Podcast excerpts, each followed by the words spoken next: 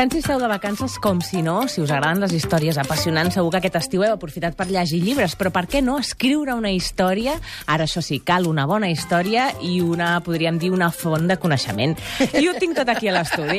La Lolita Bosch, què tal? Bona tarda. Hola, bona tarda. Perquè històries en tens sempre boníssimes i, a més a més, saps articular-les bé i tirar-les Bueno, endavant. Per tant, no d'avui... totes, eh? A vegades escrius històries, moltes vegades la gent es pensa que, que quan, un comença a escriure, quan una persona comença a escriure fa llibres i li surten i ja està. Jo en tinc molts de, molt dolents guardats a l'ordinador. Clar. Novel·les fallides, li Sí. Ara més- no les tirem mai, eh? Tu estàs molt en contacte també amb gent que vol escriure, Molt. amb el lector fins i tot, Sí. i jo penso que les és que em pors... fascina molt... El Jo crec que hi ha... creatiu. Sí, em fascina molt el procés creatiu de la gent que comença perquè es fa preguntes Mhm. que, que els que ja escrivim amb regularitat ens dona la sensació que ja ens hem contestat. Mhm. I aleshores és també una manera, jo penso, que retroalimenta, no?, de dir d'aquells ulls amb ganes de fer coses, Sí. tu també en treus segurament alguna Molt. manera... I sobretot les preguntes. Mm -hmm. et, et tornen a preguntar, per exemple, però com es construeix el temps? Clar. I tu dius, hòstia, quina cosa tan complicada, com es construeix el És temps? veritat, i em faig un esquema o no Exacte. faig un esquema? O I llavors has d'intentar explicar el que saps. Seria com una mena de reciclatge, jo entenc. Una mica de reciclatge, sí. Si no et se'n vas on vas, una Clar. mica, exacte. Encara que siguis de plàstic. Lolita Bosch, escolta, una història d'aquestes fascinants Sí. que, que tenim a les dijous per tancar aquest programa. Què em portes avui? Perquè són dues germanes, Són dues no? germanes. T'he de dir que, que he, fet, he fet més dones que homes, però és que hi ha més històries de dones que s'han silenciat. Mhm. I aquesta és una injustícia total, perquè hi, ha, hi havia dues germanes que es deien Pepita i Elisa Uris, Mhm. que van, van néixer a la Vall d'Egües, a Navarra, i, i han estat absolutament oblidades durant 50 anys en aquest país. Ningú les ha recuperat, com tantes dones que van fer coses per les altres dones, o per la república, o per el, el lliure ensenyament i tal. I s'ha oblidat durant tota la vida. El, el, una, una de les coses que es paga, jo sempre penso en les dictadures, és que hem d'estar disposats a deixar la memòria. I llavors n'hem perdut moltes, sobretot de dones. Hi ha molta gent que ara s'esforça en recuperar-les i la bona notícia és que aquest estiu a la Vall d'Egües, a la plaça eh, principal, els hi han posat el seu nom a les dues germanes. Clar, això passa moltes vegades. Quan sí és una plaça emocionant, o sí. un Hi ha hospital, un col·legi, exacte. Un col·legi. Posa-li algo, ¿no? Sí. Digues, Com deia l'Almodóvar, no estoy todo, del todo convencido de ser un parque, pero bueno, no.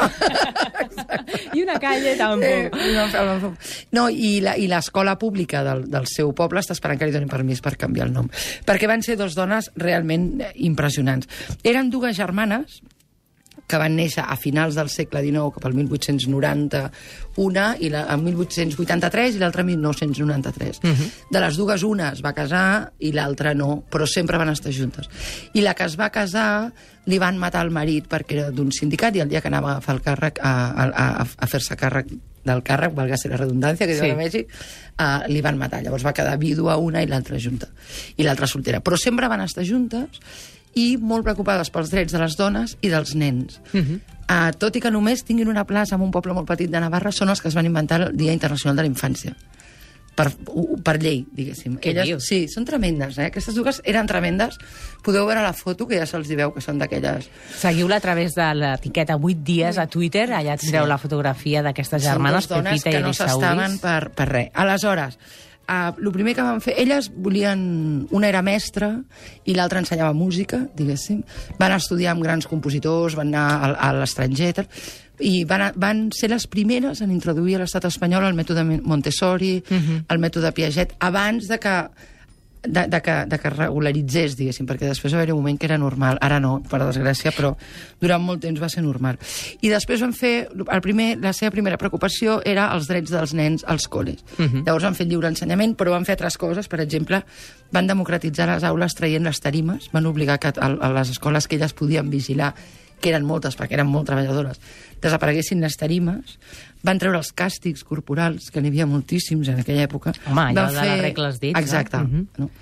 Jo crec que era molt pitjor en aquella època, eh, Sí, encara. segur, sí. Després van fer associacions de pares i mares que no existien, no? En aquella època, no, el, el, estem parlant... Dels anys del 20, 30. 1910, 10, Ah, 10, abans, 20, sí, sí, sí. Molt abans. I elles van aconseguir fer associacions de pares i de mares, van treure els manuals i van dir que els nens havien d'agafar punts perquè així retenien. O sigui, eren molt modernes mm -hmm. per la seva època. I van I no tenien fills? no, no, cap de les dues va tenir fills. Jo crec que aquestes dones... Tot, tot, hi ha gent que de repent en cuida dos, una mare, i hi ha gent que en cuida 200. Jo he conegut a molta gent així, Clar. que, que es fa càrrec amb un orfenat a no sé on, i es fa càrrec d'uns quants nens, i no en té, perquè ja en té tants i, i tal, que aquestes dones estaven com entregades als nens aquests de, de Navarra. Però um, una d'elles va venir al magisteri de... va venir a la Universitat de, de Lleida uh -huh. a donar classes i va obrir la primera càtedra d'estudi en català, una navarresa, va obrir la primera càtedra d'estudi en català va obrir una residència laica perquè les dones no haguessin d'anar només a convents, tot uh -huh. això ho va fer Lleida, va modernitzar la biblioteca de l'escola, va fer una sala de lectura i va fer la primera biblioteca amb préstecs. Abans no es deixaven els llibres, s'havia d'anar a llegir. Uh -huh. Tot això ho va fer una, una de les germanes Uris. I aleshores el bisbe de Lleida es va enfadar una mica i va dir que no, que es deia Josep Miralles, va dir que no, que no podia venir una dona a treure les nenes dels convents i a deixar els llibres perquè s'enduguessin a casa seva i tal, i, i, i van estar buscant durant molt temps un motiu per, per acusar-la i finalment el van trobar perquè va deixar una lectura obligatòria d'una feminista. Uh -huh. I això es va convertir en una qüestió d'estat. Va acabar dimitint el ministre d'Educació perquè els intel·lectuals es van posar a favor d'ella i l'Església es va posar en contra, diguéssim. Avui, al 8 dies de setmana, una història de llibre amb dues germanes, la Pepita i la Lisa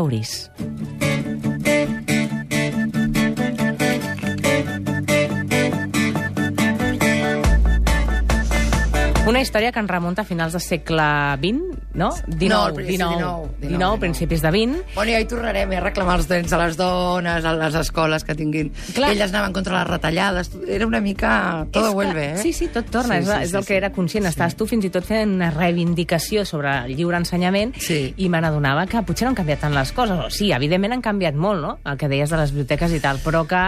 Han ja- canviat molt, però jo, jo crec que el que demostra gent així és que sempre hi ha lluites pendents, no? Mm. I, I, per exemple, jo, eh, això és a títol molt personal, però el feminisme veig que ara mateix necessita una ajuda urgent. Jo, jo sempre dic, per favor, no em tracteu en masculí perquè rebo cartes que em diuen benvolgut, benvolgut Lolita. I dic, bueno, ja, on Hola. estan les uris? Sí. I bueno, les uris van fer això, van anar a Lleida, van, van fer la primera càtedra en català, i ho trobo molt fort que Sí.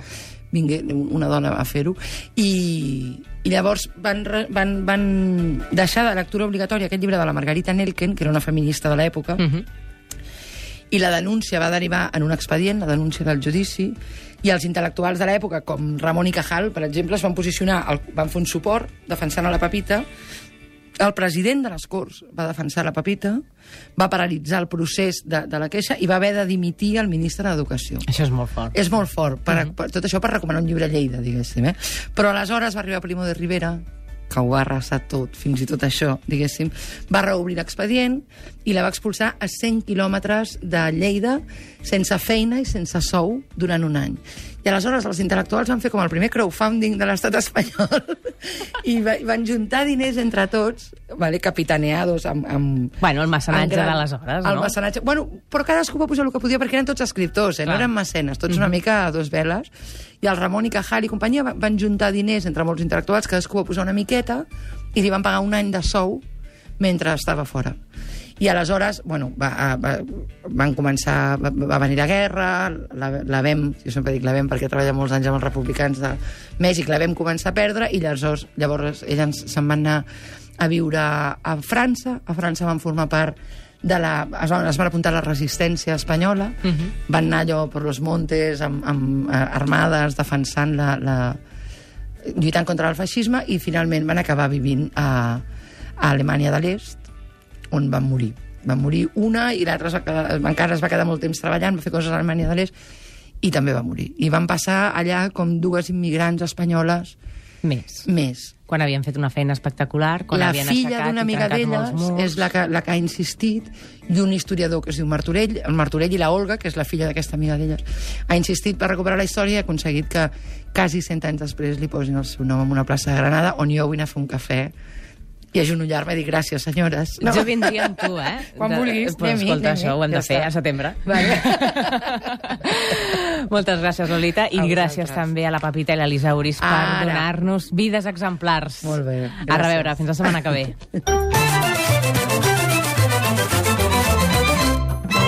8 dies a la setmana.